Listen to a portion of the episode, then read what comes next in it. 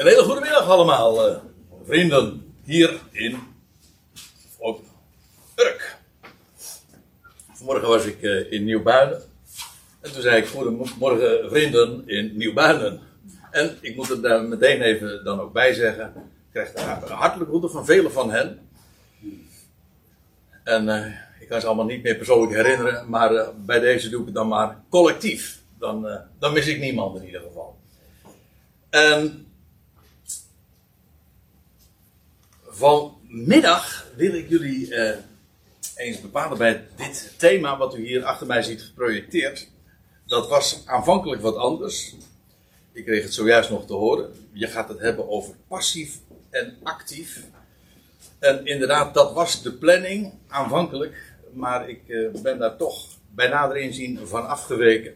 Op dat onderwerp van actief-passief en de grammaticale kanten daarvan en zo wil ik het graag nog een keer hebben. Maar er waren nog eh, te veel open eindjes. eh, waardoor ik het eigenlijk nog niet helemaal aandurfde om het daarover te gaan hebben. Dus eh, dat, dat komt nog wel bij gelegenheid. Maar dit is ook wel een heel boeiend thema. We hebben het in nog niet eens zo lang geleden, in een tamelijk recent verleden, al een paar keer zelfs gehad over, over Paulus. En ook over de verhouding tussen hem enerzijds en tussen Jacobus, Kefas en Johannes anderzijds. In de gelaten brief wordt daar uitgebreid over gesproken, maar ook in handelingen. En nu is de aanvliegroute eh, een wat andere, want ik wil het eigenlijk dit bespreken eh, aan de hand van eh, wat we, een geschiedenis die we vinden in Handelingen 21. En ik heb het maar genoemd Paulus en de Messiaanse Joden, waarbij ik moet aantekenen dat de term Messiaanse Joden niet terug te vinden is in de Bijbel. Dus dat is ook meteen eventjes de, de, de disclaimer. Dat, eh, het is een, ik sluit eigenlijk aan bij, bij taalgebruik van nu. Meestal wordt eh, met Messiaanse Joden bedoeld, of vrijwel altijd, dat is de gedachte achter de term. eh, Joden die geloven niet in dat de Messias zou komen, want dat geloven alle bijbelgelovige Joden. Hoe moet je dat nou weer eh, correct zeggen? Maar eh, ik bedoel, ook het Jodendom gelooft in de Messias. Dus je zou kunnen zeggen, alle Joden zijn Messiaanse Joden. Maar eh, het idee bij de term Messiaanse Joden is die geloven, dat zijn die Joden die geloven dat Jezus is de Messias. Maar aangezien dat een tamelijk uitgebreide manier van zeggen is, vat je het dan maar samen met eh, Messiaanse Joden. Trouwens, de term Messiaans is daarbij eigenlijk ook nog weer gekaapt. Want eh, het is tegenwoordig eigenlijk ook de aanduiding van allerlei gemeenten die zeg maar wereldwijd zeg maar, uit de grond ge- gesproten zijn. Eh, eigenlijk van heidengemeenten. Ik bedoel gewoon gelovigen uit de natieën. Maar die erg op de Joodse toer gaan. Ik zeg het nu wat oneerbiedig misschien. Maar eh, dat is dan toch de gedachte. Ik, ik kom daarop terug. Ik moet er trouwens ook bij zeggen. Dat eh, dit onderwerp daarin eh, ook meteen ook wel heel erg actueel is. Dat was het in de dagen van het boek Handelingen. Kan ik u vertellen. Eh, een, een, zeer explosief onderwerp om niet te zeggen. Dat, zo zou ik het eigenlijk ook kunnen formuleren. En tot op de dag van vandaag is de figuur van Paulus een zeer omstreden man. Het is, hij is.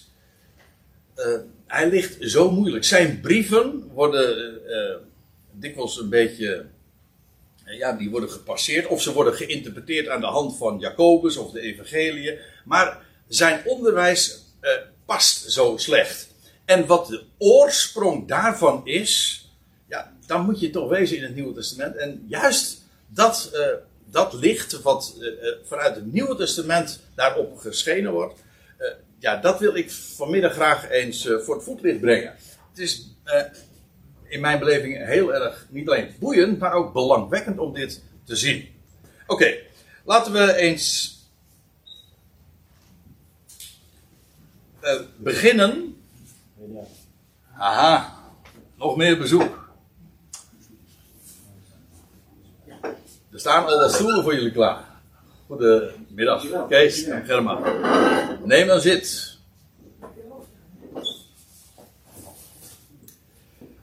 Oké. Wij beginnen dus uh, te lezen ja, in handeling 21. En u moet dit weten, Paulus die had een, een collecte georganiseerd in, onder de natieën, dat wil zeggen in, uh, in het huidige Turkije, maar ook Griekenland, uh, nogal grootscheeps. En met een hele delegatie zijn ze, dat gaf nogal wat voeten in de aarde, naar Jeruzalem gegaan om de armlastige, de arme Joden, in, dus de arme gelovigen in het Joodse land, te ondersteunen. En Paulus had zich, dat was ooit al afgesproken in Handelingen 15, lees je dat, dat hij zich, hij, zou, hij zou zich zeer bekommeren ook en inzetten voor de armen onder de Joden. En dat heeft hij dan ook altijd gedaan. En nou, deze collecte, die, die hij dus met een hele delegatie dan kon brengen, die is daar ook het bewijs van. En dan staat er, toen wij nu tot in Jeruzalem kwamen, verwelkomden de broeders ons van harte. Dat die wij hier, dat is in ieder geval dus de schrijver. En de schrijver die dit optekende was Lucas. En uh, ook uh, Paulus, maar ook nog zeven anderen. En wie die anderen waren, je leest van onder andere Trofimus, maar dat de alle namen, die worden vermeld in hoofdstuk 20, vers 4. er waren er trouwens uh, nog weer bij, die onderweg zich ook bij het gezelschap hadden gevoegd. Dus uh, in, in, werkelijkheid was het, nou pakweg, een, stuk of uh, 10, 12 uh, mensen die daar aankwamen. En voor de goede orde, dit is handelingen 21, dan praten we zo ongeveer aan het einde van de 50er jaren van de eerste eeuw. En, en Paulus, uh, ja, die komt dan uh, in Jeruzalem aan. Dat, dat, moet rond Pinksteren geweest zijn. Dat was zijn voornemen ook in Handelingen 20. Lees je nog, als hij op reis is, dan, dan doet hij zijn best. Dat staat er dan ook. Om, om met Pinksteren in Jeruzalem te zijn.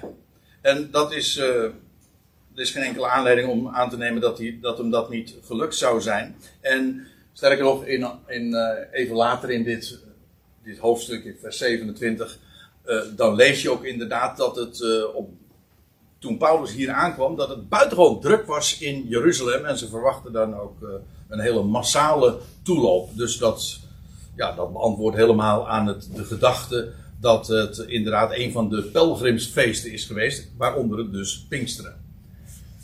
En.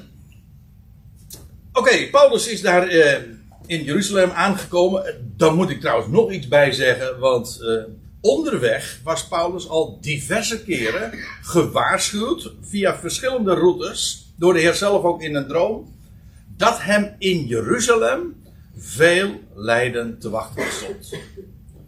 En, en Paulus wist dat ook. Dat wist, hij, dat wist hij al in een veel vroeger stadium.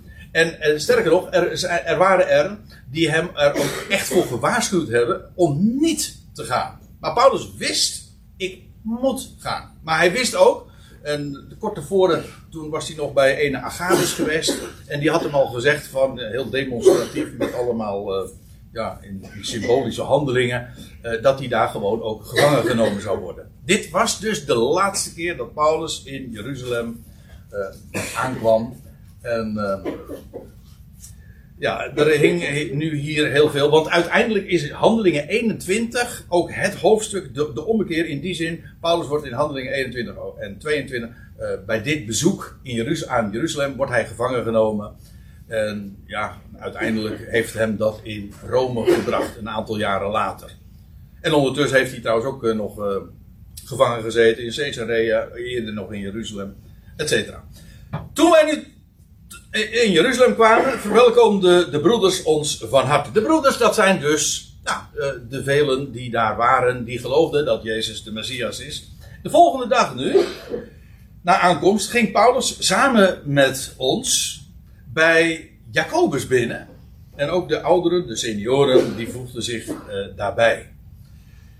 Deze Jacobus, we hebben het uh, bij andere gelegenheden nog wel eens wat, wat verder uitgezoomd. Maar deze Jacobus, dat is, uh, Paulus noemt hem in Galaten 1 vers 19, de broer van de Heer. Dat moet je er even bij zeggen, want er waren namelijk nogal wat Jacobussen, Jacoben.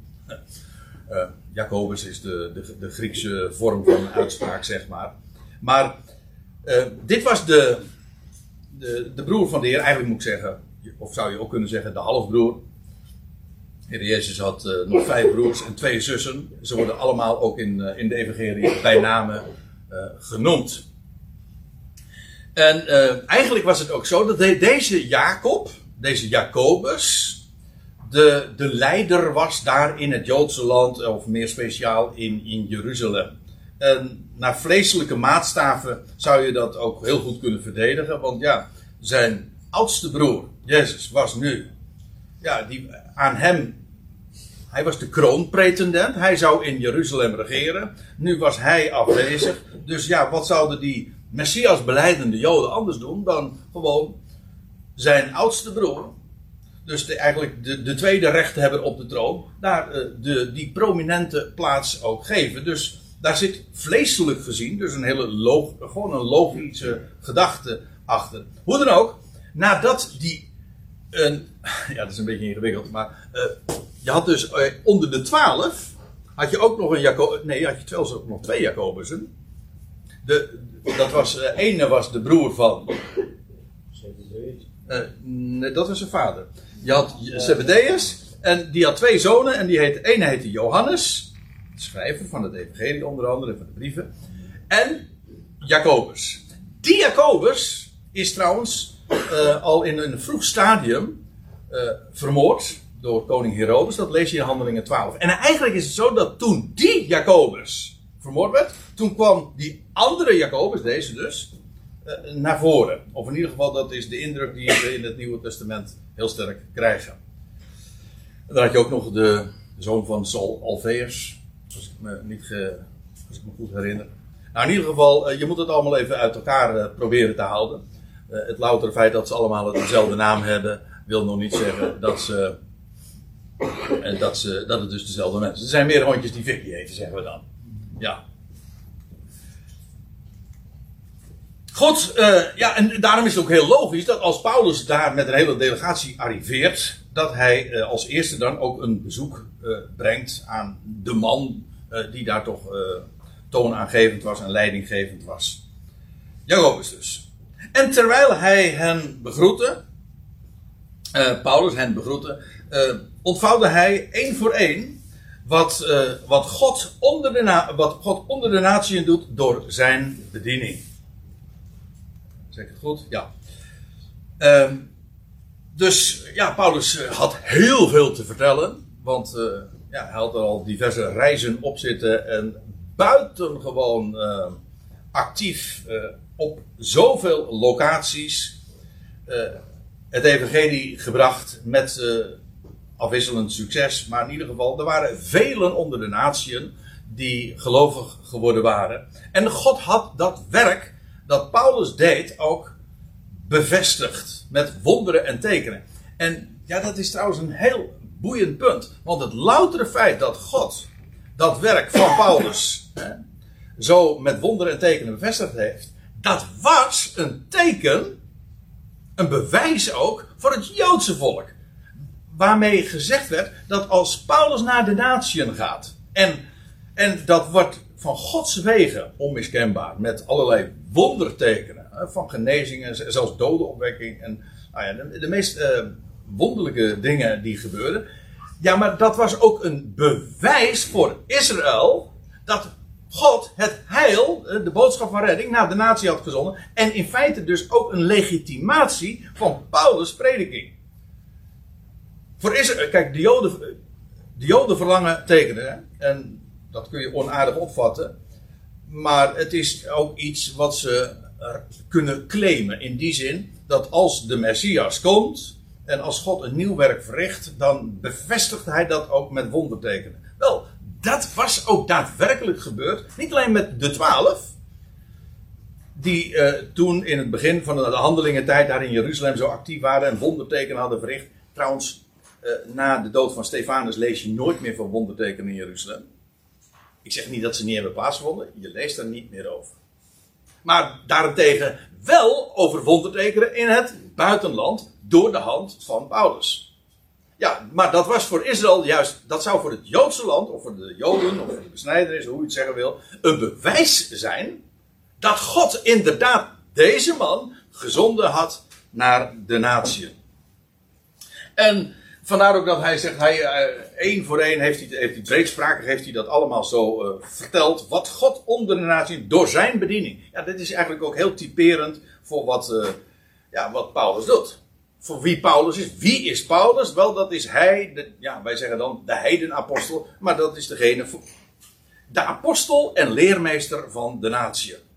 Via hem gaat de boodschap van het evangelie naar de natie. En dan lees je, toen zij dit hoorden, toen zij dit nu hoorden, verheerlijkte zij God. En ze zeiden tot hem, dus in eerste instantie wordt dit ook uh, buitengewoon, ja, met, met enthousiasme begroet. Dit, dat was niet niks wat Paulus allemaal te melden had. En ook uh, de, de tractie die het had uh, onder de natieën en hoe God onmiskenbaar via de bediening van Paulus zijn werk deed. En uh, zij verheerlijkte God. Uh, en, en ze zeiden tot hem: Want nou komt er iets. Want, en dit is nou precies ook het hele punt wat ze nu vervolgens ter sprake gaan brengen. Dit is een issue. Zij willen. Oké, ze beamen dat wat, wat Paulus allemaal verteld heeft. Uh, en wat er gebeurd was onder de natie. En hoe God dat had bewezen. Dat is één ding. Maar nou wilden ze ook iets gaan vertellen tegen hem. En dat lag, dat lag hen zeer aan het hart. En hoor, uh, nou laten we gewoon maar eens lezen wat er dan staat. U aanschouwt, broeder, hoeveel tienduizenden er onder de Joden zijn die gelovig zijn geworden.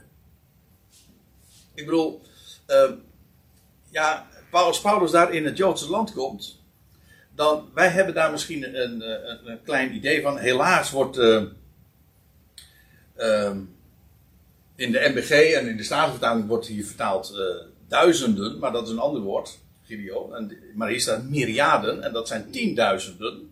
Dus men heeft in de vertaling het kennelijk gezwollen taalgebruik van Lucas gevonden dat door het op deze wijze te minimaliseren. Nee, maar er staat het was een, een, een, een grootse groep die inderdaad toen de tijd, we praten nu dus over, nou pakweg 25, uh, kleine 30 jaar na de dood en opstanding van de Heer Jezus, een grote groep van mensen die geloofden dat Jezus is de Messias. Ik moet er mee bij zeggen, het is niet alles goud wat er blinkt, maar dat neemt, neemt niet weg. Uh, dit was de situatie. En dus uh, in dat Jodendom, daar in het Joodse land, waren uh, een aanzienlijke groep die uh, onder de Joden die gelovig geworden zijn. En kijk, uh, dat is dus. kijk, ik, ik, noemde ze Messiaanse Joden. En hier worden, hier worden ze zo aangeduid. tienduizenden onder de Joden die gelovig geworden zijn. Dat wil zeggen, geloofden dat Jezus is de Messias. Nou, dat is. we hebben even afgesproken dat we hen Messiaanse Joden dan, noemden, dan noemen. En uh, waar ik vooral eventjes uh, de streep onder wil zetten, letterlijk en figuurlijk, is dat het een, gigantische, grote groep is geweest die, uh, die daar zo in stond. En, maar nou, de mededeling gaat verder, want dit is niet alleen wat ze vertellen. hoeveel tienduizenden onder de Joden gelovig geworden zijn. En allen zijn zij ijveraars van de wet. Celoten hè, staat hier in het uh, Grieks. Voorvechters uh, van de wet. Allemaal. Ik, bedoel, het wordt hier inderdaad. Uh, de, de groep als geheel wordt zo aangeduid. Dus daarin verschilden zij niet van hun volksgenoten. In het Joodse land. Er waren natuurlijk. De meerderheid in het Joodse land geloofde niet dat Jezus is de Messias. Integendeel. Want ja, er was een eh, enorme tweespalt. En eh, ook zelfs vervolging geweest. En trouwens, in de, de tijd die nog zou komen, het decennium dat hier nog op zou volgen, de zestiger jaren van de eerste eeuw, zou afschuwelijk worden. De Hebreeënbrief is naar aanleiding daarvan ook geschreven. Maar goed, dan zijn we allemaal in een iets eh, verder stadium nog. Maar je moet je realiseren dat er dus in dat Joodse land. goed, er waren allerlei partijen maar waarin de gelovigen, eh, zij die geloofden dat Jezus is de Messias, onderscheiden zich dus niet in het, in, in het feit dat zij eh, minder ijveraar voor de wet zouden zijn. Integendeel, ze waren allemaal ijveraars voor, eh, van de wet. En wij zouden zeggen, ze zijn echt allemaal praktiserend Joods. Eigenlijk is dat misschien wat zwak uitgedrukt, want ijveraar wil zelfs zeggen dat je dat niet alleen maar praktiserend bent, maar dat je dat zelfs met, met grote ijver doet. Dus. Dus al die Joden, dat, dat, dat, dat zie je trouwens ook in het vervolg, en dat zie je in het hele boek Handelingen is dat volstrekt helder, dat al die Joden daar, dus eh, die gingen naar de tempel, daar ontmoetten ze elkaar, en eh, zelfs de offerdienst eh, bleef gehandhaafd, de gebruiken van de, van de gebedstijden. Nou, kortom, zij leefden voluit Joods. Allen, worden ze hier zo benoemd, eh, zijn zij ijveraars van de wet. Oké. Maar nou komt het. Maar, zeggen zij, zij, wie zijn die zij? Nou, dat zijn die tienduizenden onder de Joden die gelovig zijn geworden. En die allemaal ijveraars voor de wet zijn. Zij werden omtrent u onderricht. Eh, dat wordt, dat, is wel leuk. Eh, dat woordje onderricht, dat, eh, dat kennen we allemaal wel. Want dat is in het. eh, ja, in de MBG staat het trouwens helaas ook weer een beetje afgezwakt. Er staat, men heeft van u verteld. Trouwens, de, keren dat dit el- elders gebe- gebezen wordt, dit Griekse woord, dan wordt het altijd wel vertaald met onderricht. En alleen hier wordt het afgezwakt met men heeft van u verteld. Maar dat zou je nog kunnen onderbrengen in de sfeer van eh, in het rolcircuit of zo, weet je wel. Eh, Er wordt zo achter uw rug wordt dat verteld. Nee, er staat, er wordt, men heeft van u, eh, of zij hebben omtrent u onderricht. En dat woord wilde ik juist even toelichten. Er staat in het Grieks het woordje katecheo. En daar is ons woord dus van afgeleid. Catechese. Catechisatie, ja. En ja, voor degenen die een, een protestantse of revo-achtergrond hebben, die, eh, die kennen dat woord maar al te goed. Ik ook. Ik ben ook op catechisatie geweest. En dat, ja, wat is dat? Ja, dan word je gewoon als. eh, dan worden de jongelui met name dan onderricht. Hè? Krijgen ze onderricht in de. Ja, in wat? Eh, nou, in de praktijk, eh, nou, het ABC. Maar ik, ik heb de neiging om daar natuurlijk nu wat eh, lacherig over te doen. Maar eh, het hele idee is natuurlijk geweldig. Goed, namelijk dat jonge mensen die krijgen onderricht. Ja, nou, nou, nou maar hopen dat ze ook gezond onderricht krijgen. En dat ze niet eh, eh, zoals van de de leer van de kerk onderwezen wordt. Dat is in de praktijk het geval. Ja, daarom heb ik ook de neiging om daar, zo is het mij ook vergaan, om daar met wat, sorry dat ik het zeg, dédain over te spreken. Eh, want in de praktijk is dat wel zo, ja. Maar eh, de categorisatie hier was trouwens ook niet al te best hoor. Als het eh, gewoon specifiek eventjes inzoomen op de, hoe het hier gebezigd wordt. Want deze Joden, die tienduizenden Joden waar het hier over gaat, Messia, Messiaanse Joden, ijveraars van de wet, ja, maar die hadden onderwijs gekregen, onderricht, die waren onderricht. En ze hadden onderricht gekregen ook over Paulus. De naam van Paulus kwam dus in de categorisatie, als ik, als begrijp wat ik bedoel, eh, de categorisaties van de, van de, van de, van de Joden, die, eh, daar was Paulus een onderwerp van gesprek. En ik kan u vertellen, dat was geen positieve. Ja, ze zullen ongetwijfeld zich nog wel herinneren hoe hij ooit een veelbelovende, ja, ook, net als zij, ijveraar van de wet was. Dat wisten ze ongetwijfeld, want hij, dat was een zeer, het was een gerenommeerde naam. Hij was zat aan de voeten van, de, van, van Gamaliel als, als jonge man. En, en hij het, je leest in Galaten 1, hij had het verder gebracht in het Jodendom dan vele van zijn tijdgenoten. Dus ja, die man die was niet alleen heel fanatiek. Bovendien, hij was de aanvoerder ooit tegen de secte van de Nazareners. Dus ja, hij nam al eh, in een heel eh, vroeg stadium, in, gewoon als jonge man, een, een, een, een leidende positie in. In dit geval ook als ijveraar tegen die Nazareense secte. Ja. En hij kreeg de credits ook voor de hoge priester. En hij mocht, hij mocht ook naar Damascus gaan. Ik heb er juist vanmorgen ook daar in Nieuw nog wat over, over verteld. Nou ja, eh, wat ik maar wil zeggen is, die naam van, van, van Saulus van Tarsus, ja, die was in die zin natuurlijk in het, qua opleiding, uh, dat was een naam die klonk als een klok. Waren het niet dat hij op de weg naar Damascus iets dramatisch heeft meegemaakt, in hun ogen in ieder geval. In ieder geval iets, to een totale levensverandering. Doordat hij oog in oog kwam met, ja, met, die, met die Jezus die hij vervolgde. En dat hij drie dagen lang blind is geweest. En, nou ja, en de rest is geschiedenis. Uh, het is zelfs zo'n belangwekkende gebeurtenis dat het in het boek Handelingen tot drie keer toe uitgebreid wordt beschreven. Die roeping van Saulus. Maar goed, uh, die, die Joden, die 10.000 Joden, die kregen dus onderricht. En Paulus was daarin, of Saulus, uh, die Saulus fantastisch, was daarin ook onderwerp. En wat werd dan over hem gezegd? En wat was hun onderwijs? Dan? Wel, dat u alle Joden onder de natieën afval van Mozes predikt. Nou ga ik eventjes een, even voor de fijnproevers. Er staat hier, alle Joden onder de natieën. Uh, normaal gesproken zou je hier dan uh, een, een, Grieks uh, voorzetsel vinden, van, namelijk en. In de, in de zin van te midden van.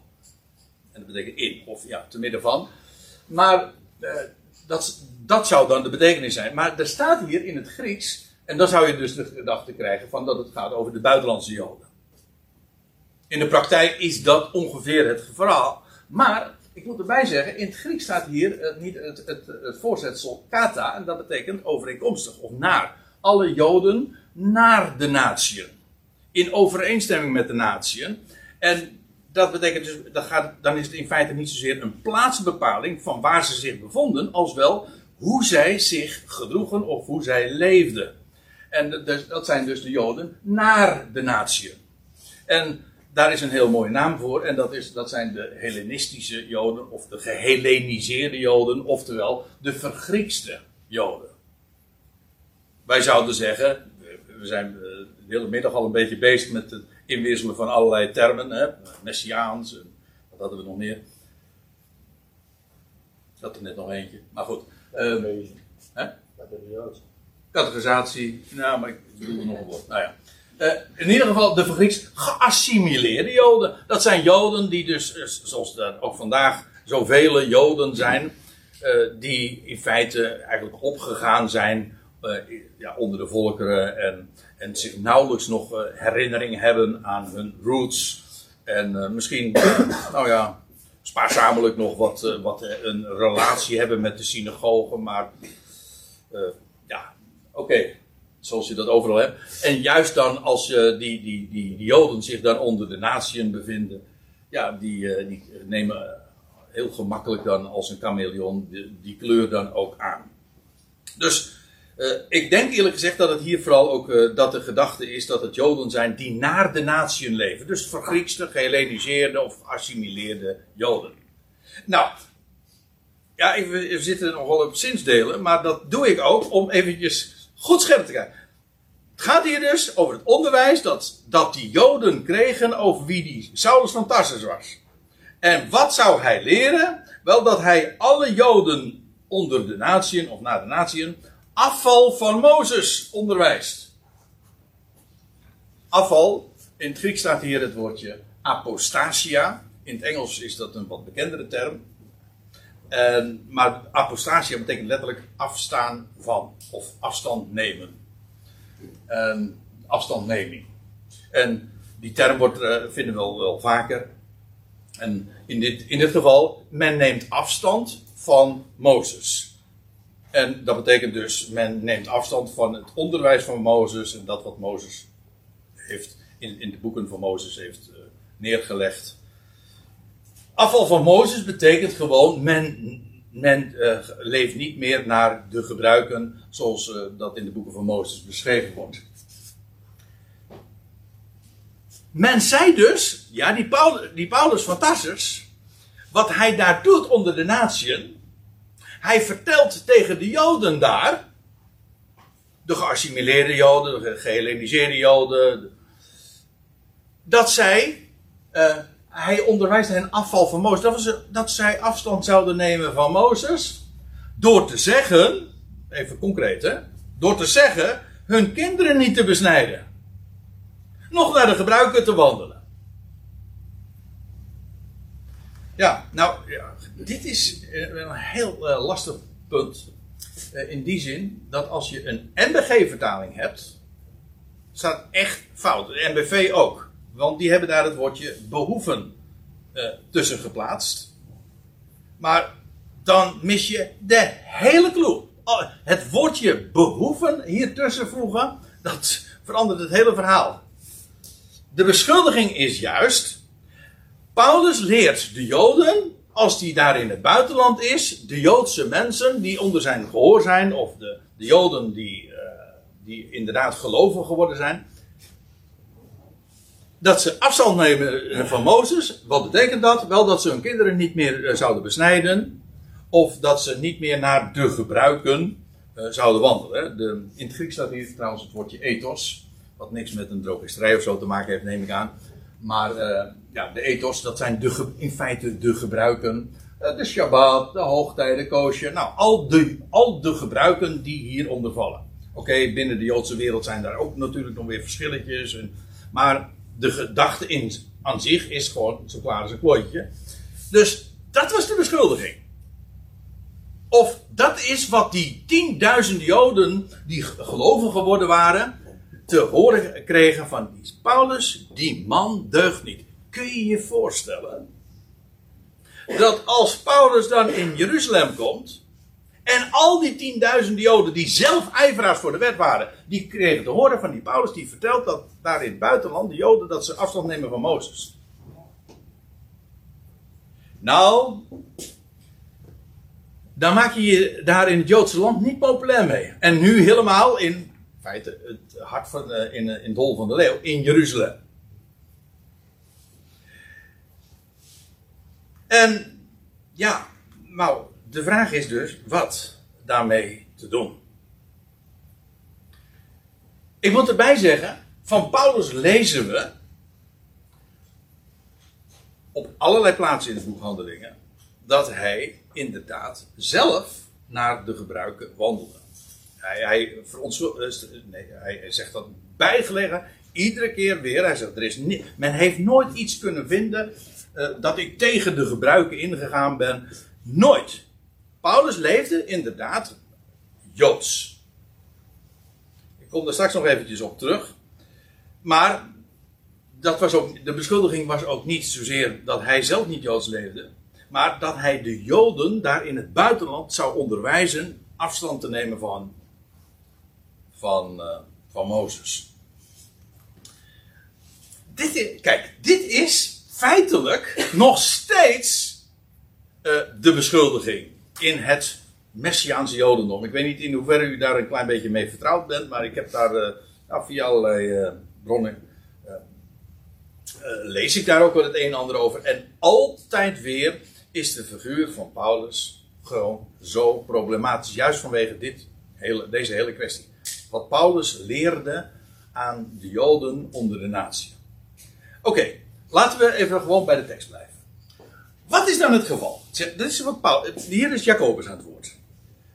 Ongetwijfeld moet er een, menigte nu samenkomen, omdat ze zullen horen dat u gekomen bent. Dit is trouwens precies uh, de bevestiging dat hier, uh, dat het momenteel heel druk was in Jeruzalem. En Jacobus die weet al van op het moment dat men er lucht van krijgt dat die beruchte Saulus van Tarsus, die ketter, die daar onder de natieën de Joden leert afstand te nemen van Mozes, als zij lucht krijgen dat die gast, zeg het eventjes in hun termen waarschijnlijk, dat die uh, nu uh, in Jeruzalem is, ja, nou dan ongetwijfeld stellen, moet een menigte dan samenkomen. Dus dit wordt een massale toeloop. Uh, de, en dit is inderdaad precies die bevestiging waar ik het zojuist al over had. Uh, hoe kwalijk de reputatie van Paulus was daar in Jeruzalem. Moet je nagaan. We hebben het hier dus niet over, Jak over Jacobus en over Petrus en Johannes. Die onderwezen de besnijdenis. Die leefden gewoon naar de Joodse gebruiken. Dus die waren, die waren in dat opzicht uh, dus onomstreden. Dat wil zeggen binnen het Messiaans Jodendom. Die leefde, die leefde Joods. En uh, dat geldt voor Kefas ook, voor, voor Johannes. Maar Paulus, die bewoog zich onder de natieën. En wat, dat onderwijs wat hij aan de Joden daar gaf, dat was het grote, de, de bottleneck van, van de hele kwestie. En stel je inderdaad even voor wat dat betekend moet hebben voor Paulus, die wist hoe, wat hem allemaal uh, ten laste gelegd was. Want de grote, eh, de grote strijd die Paulus in het buiten, in, onder de, de gemeenten in het buitenland altijd weer had, was dat. Ga maar na, of je nou de gelaten brief neemt, of je leest, je leest in de Colossense brief, in de Timotheusbrief, altijd eh, had hij uh, die problemen met de Judaïseerders. Dat wil zeggen, zij die meenden dat de, de gelovigen uit de natieën verjoodst moesten worden. Op uh, light of, uh, hoe zeg je dat? De light versie of in welke zin dan ook. de besnijdenis promoten of de, de, de, de, de, de, de hoogtijden, de Shabbat, nou noem maar op.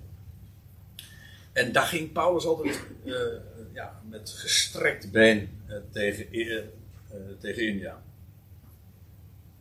Goed, Jacobus die zegt dus van, ja, als, hij, als men er lucht van krijgt dat jij in, in, in Jeruzalem bent gearriveerd, nou dan gaat er een massale toeloop komen. Hij zegt, nou, doe, en nou geeft hij een adv nou, advies, hij zegt gewoon wat hij moet doen. Doe dan, doe dit, wat wij u zeggen. Bij ons zijn vier mannen die een gelofte op zich hebben, op zich hebben genomen en neem deze mee. Eh, heilig u, wordt gezuiverd. Samen met hen, draagt de kosten voor hen, omdat zij het hoofd zullen kunnen kaalscheren. En zij, ja, nou ja, wat hij nu eigenlijk zegt is: uh, geef, uh, ja, ik, uh, dit, is, het is wat, wat komisch, maar het is trouwens voor ons ook wat moeilijk voor te stellen. Maar het idee is, wat hier wordt voorgesteld, is: doe nou precies uh, datgene uh, waar je het vertrouwen weer mee kunt terugwinnen onder de Joden die, die, bij wie jij nu zo in kwade reuk bent. En dat wil zeggen, doe gewoon strikt naar de Joodse gebruiken. Uh, heilig je met hen, draag. En, en de, ja, ze hadden een gelofte namelijk op zich genomen. En aan het einde van zo'n gelofte, dus ook, ook, dat was al een Joods gebruik, dan zou je je kaal scheren. Allemaal Joods gebruik, hè? Ik hoef dat bij een andere gelegenheid herinner ik me, hebben we dit al eens een keertje eerder uh, ook al besproken.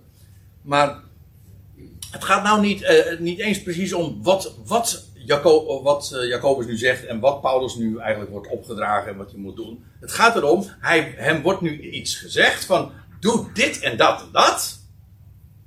Strikt Joods, ga erin mee. Betaal zelf ook de kosten die daar weer mee samenhangen. Want er moest dan ook nog weer een offer Er moesten offerdieren gekocht worden en eh, die geslacht zouden worden. En daar moest dus, daar waren kosten aan verbonden.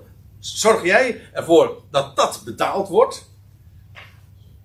En uh, zodat zij allen zullen weten, dus heel dat jij dus demonstratief daarmee dus de, de wet onderhoudt. En uh, zodat alle, en zij alle zullen weten dat van de dingen waarin zij omtrent u onderricht zijn, niets waar is. Hé, hey, dit is dus. Kijk, wat hier verteld wordt. De beschuldiging dat Paulus onder de Joden in het buitenland zou leren afstand te nemen van Mozes en zou zeggen tegen de Joden die gelovig geworden zijn, die geloofden dat Jezus de Messias is, van je moet je kinderen niet meer laten besnijden. Of uh, je zou niet meer naar de gebruiken wandelen. Dat was de beschuldiging. Was dat zo? Jacobus, Jacobus wist, dat, dat leert Paulus helemaal niet. En, en, en, en nou zegt hij tegen Paulus, doe dit nou, demonstreer nu zelf dat je volstrekt Joods leeft. En zodat, uh, zodat het volstrekt helder is dat de beschuldiging die aan jou kleeft niet waar is. Kijk, Paulus predikte niet dat de Joden niet Joods zouden leven. Maar dat ze niet. Dat was namelijk de beschuldiging. Maar dat ze daarin vrij zijn. En dat is nou precies het subtiele verschil. Dat is echt het subtiele verschil. Zodat dat woordje behoeven, waar ik het zojuist over had. Uh, dat is een dissonant, want dat is nu precies wat, uh, waar, waar, wat, wat Paulus leerde. Hij leerde inderdaad. Nou, laten we het eens op een rijtje zetten. Ik kom daar straks, aan het eind ga ik het nog wat systematischer op een rijtje zetten. Hij leerde inderdaad dat in Christus Jood nog Griek is. En hij leerde ook. Ja, moet je nagaan. Als, als, dat Paulus daar onder de natieën is. En daar komen mensen tot geloof. Grieken, Joden, van alles. En Paulus predikte het, e- aan hem was het evangelie van de voorhuid toevertrouwd. De besnijding speelde gewoon geen rol. Hij zei niet, je moet je kinderen niet besnijden. Het speelde geen rol.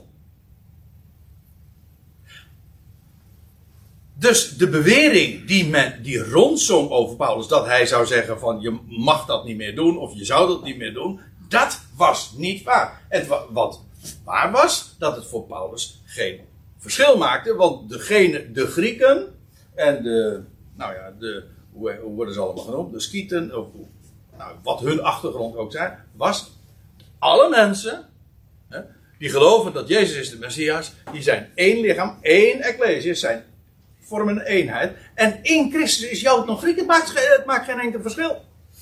Maar dat was nou precies ook wat de Joden zo jaloers maakte.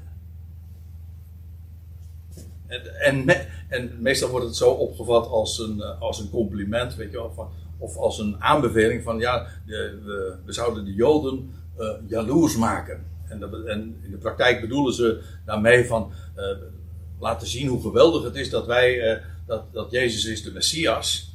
Maar het idee bij dat jaloers maken is juist dat er iets aan de natieën wordt gegeven. Waarvan Israël denkt, ja maar dat is van ons. Wij hebben de eerste rechten.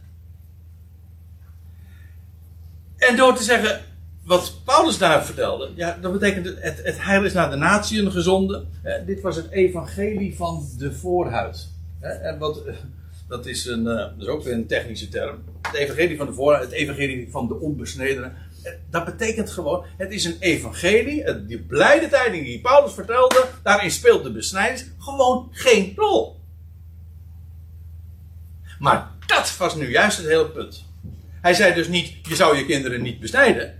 De, hij, sterker nog, bij bepaalde gelegenheden deed hij dit om, uh, bijvoorbeeld, u kent de geschiedenis van Timotheus die liet hij zelfs ter wille van de Joden wel besnijden. Maar het speelde geen rol. Zodat in feite dus de niet-Joden volstrekt op gelijke voet stonden met de Joden. Dat was, dat was de angel, zeg maar, in Paulus' boodschap. En waarom Paulus zo buitengewoon moeilijk lag, eufemistisch gezegd, daar in het, of daar in het Joodse land. Uh, dus de beschuldiging was niet waar.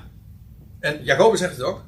En, uh, en hij zegt er ook bij, maar dat u zelf ook in de elementaire dingen, hè, in de ABC van de wet, bewaakt.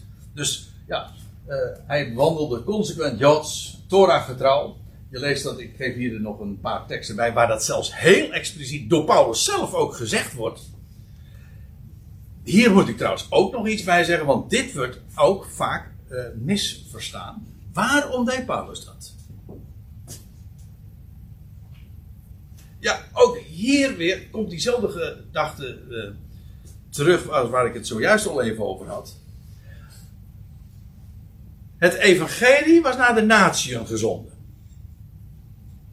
En aan Paulus was de taak gegeven om dat tegen Israël te vertellen. Daarom ging Paulus altijd eerst naar de synagoge. Om daar te vertellen, het evangelie is naar de natieën gezonden. Dat is jaloersmakend hoor.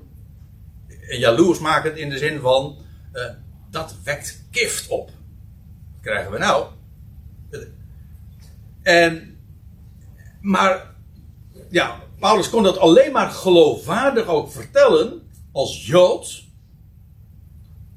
in de synagoge als hij Joods leefde. Als stel je voor dat Paulus uh, als een gooi had geleefd, had hij nooit ingang gehad in de, in, in de synagoge.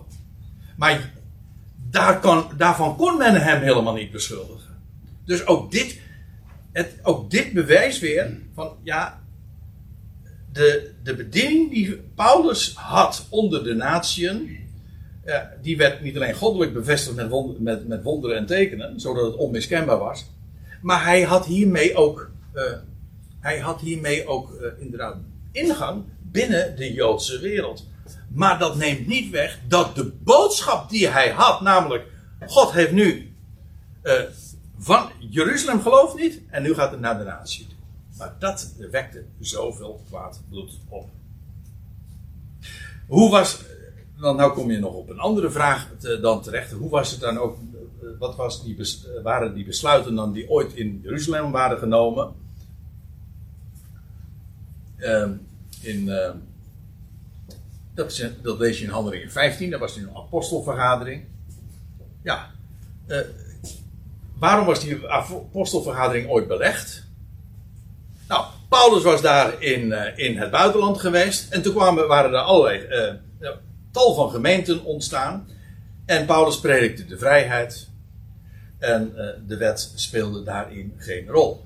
Niet tegen de wet, geen afval van Mozes, maar het speelt geen rol. En maar vervolgens kwamen, waren er allerlei Joden die zeiden van nee, maar zij hoorden ook besneden te worden. En toen is er een vergadering belegd. En toen is besloten dat de natieën volkomen vrij zijn. En, nou, daar staat er hier ook bij. Maar omtrent de, dit is nog steeds Jacobus die in het woord is. Maar omtrent die hebben geloofd van de natieën, schreven wij een brief. En dat is uh, de vergadering dus in Handelingen 15. De, de besluiten, de dogmata. De, de besluiten die in Jeruzalem genomen waren. Unaniem was toen besloten dat zij uh, zich wachten voor zowel afgodenoffers als bloed, als verstikt en als hoererij. Met andere woorden, ze waren, uh, ze, de wet zou hen niet worden opgelegd. Niets van de wet. Alleen ze zouden zich wachten voor deze dingen. Maar dit, het, alle, de dingen die hier genoemd worden, is, uh, ja, die hebben te maken met dat wat, de na, wat mensen uh, in het algemeen vanaf Adam tot Noach altijd al uh, niet deden.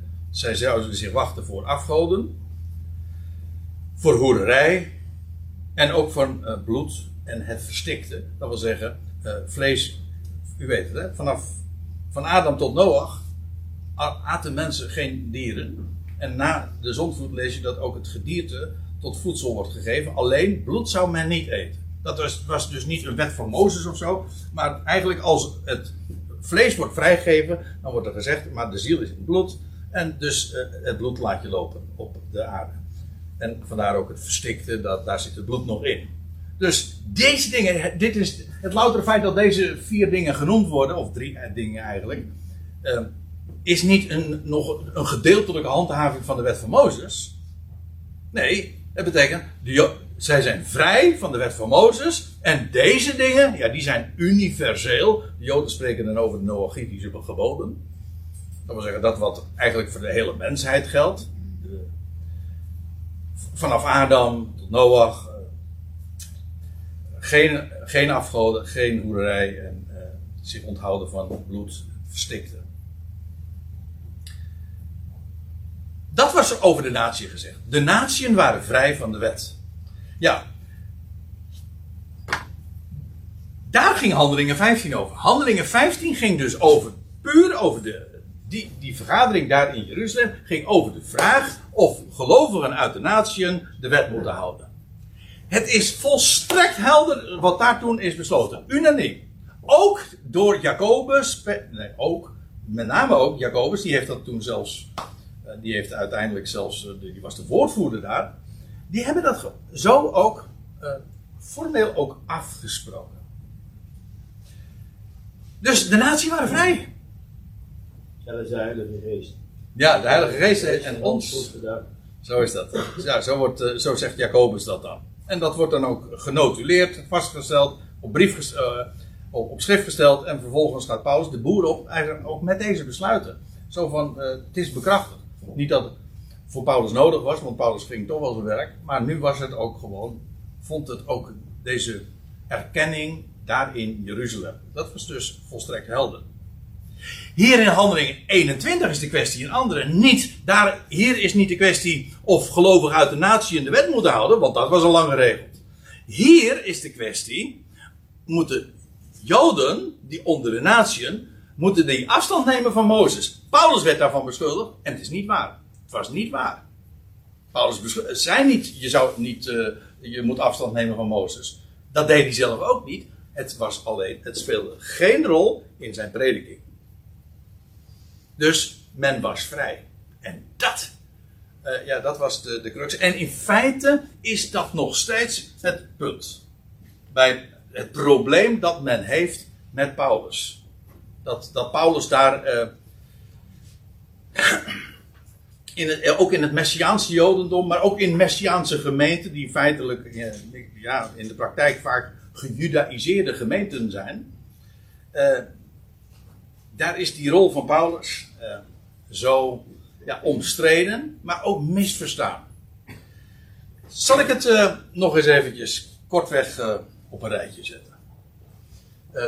Aan de ene kant de Messiaanse Joden en aan de andere kant Paulus. Messiaanse Joden, dat, daarmee bedoel ik nogmaals, dat zijn die Joden die geloven dat Jezus is de Messias. En bijvoorbeeld Jacobus, Petrus en Johannes en die tienduizenden die daarin in het Joodse land waren. Nou, laat ik, het eventjes op een rijtje. Die Messiaanse Joden, die zeiden, of die stonden op het standpunt, God roept Israël en ook de natieën, die zijn welkom. Dat laatste was trouwens uh, aanvankelijk nog, uh, en dat, is een heel, dat gaf nog heel wat voet na hoor, voordat, de na, voordat Petrus naar een, een, een, heiden ging, naar Cornelius, nou dat was, dat, dat was inmiddels al een heel aantal jaren verder. In principe, uh, men ging ervan uit, eerst moet Israël tot geloof komen. En als Israël tot geloof gekomen is, dan komt de Messias. En als de Messias er gekomen is, dan gaat het vervolgens naar de natie. Dus, maar bij Paulus is het, God roept een heidensvolk. En ook de Joden zijn welkom. Dat is omkering, hè? Of nou, omkeren, het is een ander accent. Uh, in bij de Messiaanse Joden staat Israël centraal. In de bediening van Paulus staan de natieën centraal. God roept een dwaas volk, een eh, volk uit de natie. Ja, hij zegt, eh, Paulus haalt dat in Romeinen 10 ook aan, uit, uit het boek Deuteronomium weer, dat God door een dwaas volk uh, hen jaloers zou maken. Dat was, en, door een heidens volk. En en nu gaat het naar, heil naar de natie. Jeruzalem gelooft niet. En Paulus is toen. Trouwens, lees het maar eens na in, in handelingen. Dat is het hoofdstuk hierna. Nou, we hadden het nu over handelingen 21. Paulus. Het is, er gebeurt precies wat al de, de verwachting was. Er ontstaat een volksoploop en Paulus wordt gesignaleerd in Jeruzalem. En weet u wat er tegen hem, van hem gezegd werd? Hij heeft een heiden in, de, in de tempel gebracht. Binnen de, binnen de sorek, binnen de, de muren. En dat, was, en dat was een, letterlijk een doodzonde, als je dat deed. De beschuldiging was niet waar, dat hij een heiden naar binnen had gebracht. Maar u begrijpt wel, in feite is het illustratief. Dat is precies wat die boodschap is. Dat de na nabij gekomen zijn. En uh, dan, wordt, ontstaat er een volksoploop en, en, Paulus dreigt gelyncht te worden. En dan wordt hij uiteindelijk door de Romeinen bevrijd van de Joden. Ook heel illustratief. En dan, wordt hij, nou ja, dan wordt komt hij op de trap. En dan, dan vraagt hij of hij even het woord mag voeren. En dan staat hij daar op de trap. En dan kijkt hij en, en, en dan, gaat, en dan gaat hij vertellen. Nou, dan vertelt hij zijn eigen verhaal. En, en dan, op, dan kan hij spreken totdat hij zegt. Uh, dat, uh, dat de Heer tegen hem gezegd had: uh, Je moet Jeruzalem verlaten, want ze gaan jouw getuigenis niet aannemen. Ga nu weg. Ver weg naar de natie. En dat was het einde van zijn toespraak. Tot hiertoe kon hij dat zeggen. En dan wordt er met zwijgen opgelegd. En dan, lees je dat er een totale consternatie onder, onder, onder de luisteraars ontstaat. En uh, die man die mag niet verder leven. Daar ging het om. Wat Paulus zei van is, ja het is, Jeruzalem gelooft niet en nu gaat het naar de natie toe. En nu gaat in feite, uh, nu, de Messias is gekomen en wie krijgen de zegeningen? De natie. Dat was jaloersmakend. Ja, dit is het evangelie van de besnijdenis. Dit was ook uh, wat die Messiaanse Joden, Jacobus, Petrus, Johannes, wij zijn de representanten. Die hadden de boodschap. Precies wat Kefas ook op het Tempelplein ooit vertelde. Je, voor jullie is de Messias bestemd. En jullie zouden geloven in, in de hem die door God is opgewekt uit de doden. En als dat gebeurt, dan komen er tijden van herstel. En dan, ja, en dan zal alles in vervulling gaan wat de profeten hebben gesproken. Via Israël. Een gelovig is dat. Dat is van de besnijdenis. Ja, en Paulus die vertelt. Dat is een, dat is een fase verder. Dat is de update, zeg maar. Want Paulus wist inmiddels. Israël gelooft niet. Zijn de eerste keer dat zijn naam genoemd wordt, is juist in verband met. Uh, als het Sanhedrin Stefanus stenigt. Dus officieel neemt men dan afstand ja, van, van de Messias, van de opgewekte Messias. Nou, dat is het evangelie van de vooruit. Dat was aan hem toevertrouwd. En het evangelie van de vooruit wil zeggen het evangelie van de natie. Het evangelie, een heidens evangelie, waarin de besnijdenis domweg geen rol speelt. Niet dat je je niet mag besnijden, maar de besnijdenis speelt geen rol. In feite zou je kunnen zeggen, dat was voor hen eigenlijk nog erger. Hij, hij sprak daar niet tegen. Het speelde geen rol. En ja, in, bij eh, de Messiaanse Joden zijn de natieën gasten en vreemdelingen. En ja, bij Paulus is, is er geen onderscheid tussen Jood nog Griek. En bij de Messiaanse Joden uh, zijn de Joodse gebruiken niet vereist voor de natieën. Maar bij Paulus is, is, is eigenlijk omgekeerd, is het accent. Joodse gebruiken zijn geen verhindering. Voelt u het verschil? Het accent? De Joden bij Jacobus, Petrus, Johannes, die hadden de gedachte: nee, de, de natieën, die hoeven niet de wet te onderhouden. De wet is niet voor hen vereist.